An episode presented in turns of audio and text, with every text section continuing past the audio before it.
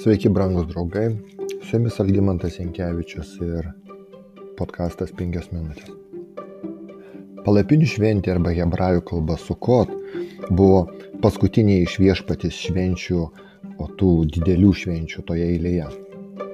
Ta šventė truko visas septynias dienas nuo tišri mėnesio 15 iki 21 dienos. Jis buvo linksma, suoti ir kartais su brangiomis dovanomis šventė. Viešpats įsakė, pirmąją dieną paimsite Hadaro medžio vaisių, palmės šakų, lapuočių šakelių bei paupio gluosnių ir linksminsitės viešpatės jūsų Dievo akivaizdoje septynias dienas. Švesite ją septintą mėnesį kasmet kaip viešpatės iškilmes septynias dienas. Švesite ją septintą mėnesį kaip amžiną įstatą per visas jūsų kartas. Septynias dienas gyvensite palapinėse, visi izraelitai turės gyventi palapinėse. Įdan jūsų kartos patirtų, kada aš vesdamas izraelitus iš Egipto žemės apgyvendinau jos palapinėse. Aš esu viešpat jūsų Dievas. Trečia Mozės knyga 23 skyrius. Ši šventė kaip neraugintos duonos ir sėkminių buvo šventė su, jeigu taip galima sakyti, su kelionė ir buvo susijusi su derliumi. Šioje šventėje visi izraelitai turėjo atvykti į šventyklą. Pakartoto įstatymo knygoje apie šią šventę sakoma, suvalės klojimo ir vynogių spaudyklos derlių septynias dienas švesi palapinių šventė. Džiaugiuosi šventės dienomis tu ir tavo sūnus bei dukteris, tavo vergai bei vergės ir levitai, ateiviai, našlaičiai bei našlės gyvenantis tavo miestuose. Septynias dienas švesi šias iškilmes viešpatės savo Dievo garbiai, toje vietoje, kurią viešpats išrinks Kadangi viešpats tavo Dievas laimins visą tavo derlių ir visus tavo laimėjimus, tu tikrai džiugausi. Tris kartus per metus nerogintos duonos šventėje, savaičių šventėje ir palapinių šventėje visi tavo vyriškiai pasirodys viešpatės tavo Dievo akivaizdoje, toje vietoje, kurią viešpats išrinks. Tai nepasirodo niekas viešpatės akivaizdoje tuščiomis rankomis.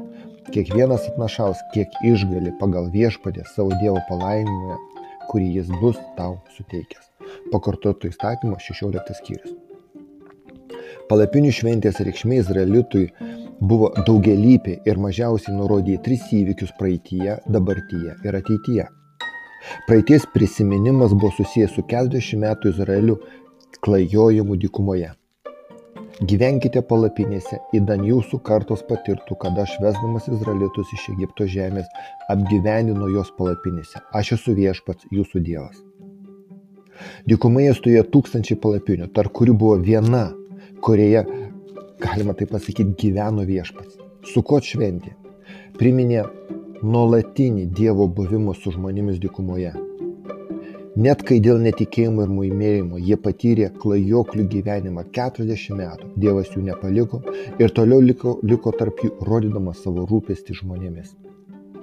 Kalbėdamas apie dabartį, Sukot arba palapinių šventė yra dėkingumas Dievui už žemės palaiminimą išreikštą jos vaisiais, taip pat susitaikinimo ir atleidimo laikas. Būtent Sukot metu, kas septinti metai atleidžiamos skolos. Be to, viešpats įsakė aprūpinti buvusi vergą, atidirbusi savo skolą, neleisk jo eiti tuščiomis rankomis, bet aprūpink ir duok jam tai, ko viešpats tave palaiminė. Skolininko atleidimas vyko iškilmingoje atmosferoje. Šį kartą į šventę atvyko ne tik vyrai, bet ir moteris bei vaikai. Čia matome ir mokomo, mokamąją šventės funkciją.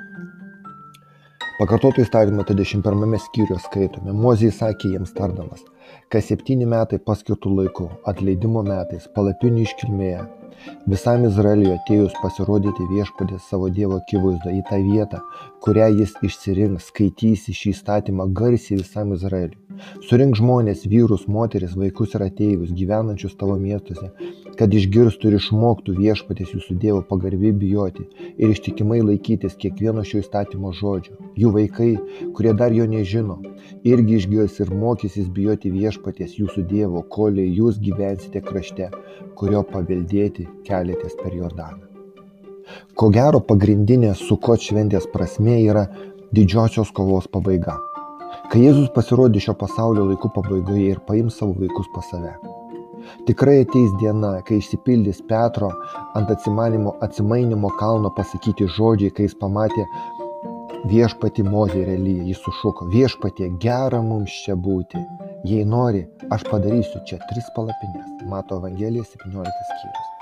Vėliau kitas apaštalas tapęs viešpaties apsireiškimo liudininku Patmo saloje mato naują Jeruzalę, būsimų visų išgelbėtojų namus ir girdi tokius žodžius. Štai Dievo padangtė tarp žmonių. Jis apsigyvens pas juos ir jie bus jo tauta, o pats Dievas bus, jais, bus su jais. Apreiškimo 21.3. Su jumis buvo penkios minutės ir Algymantas Vienkevičius.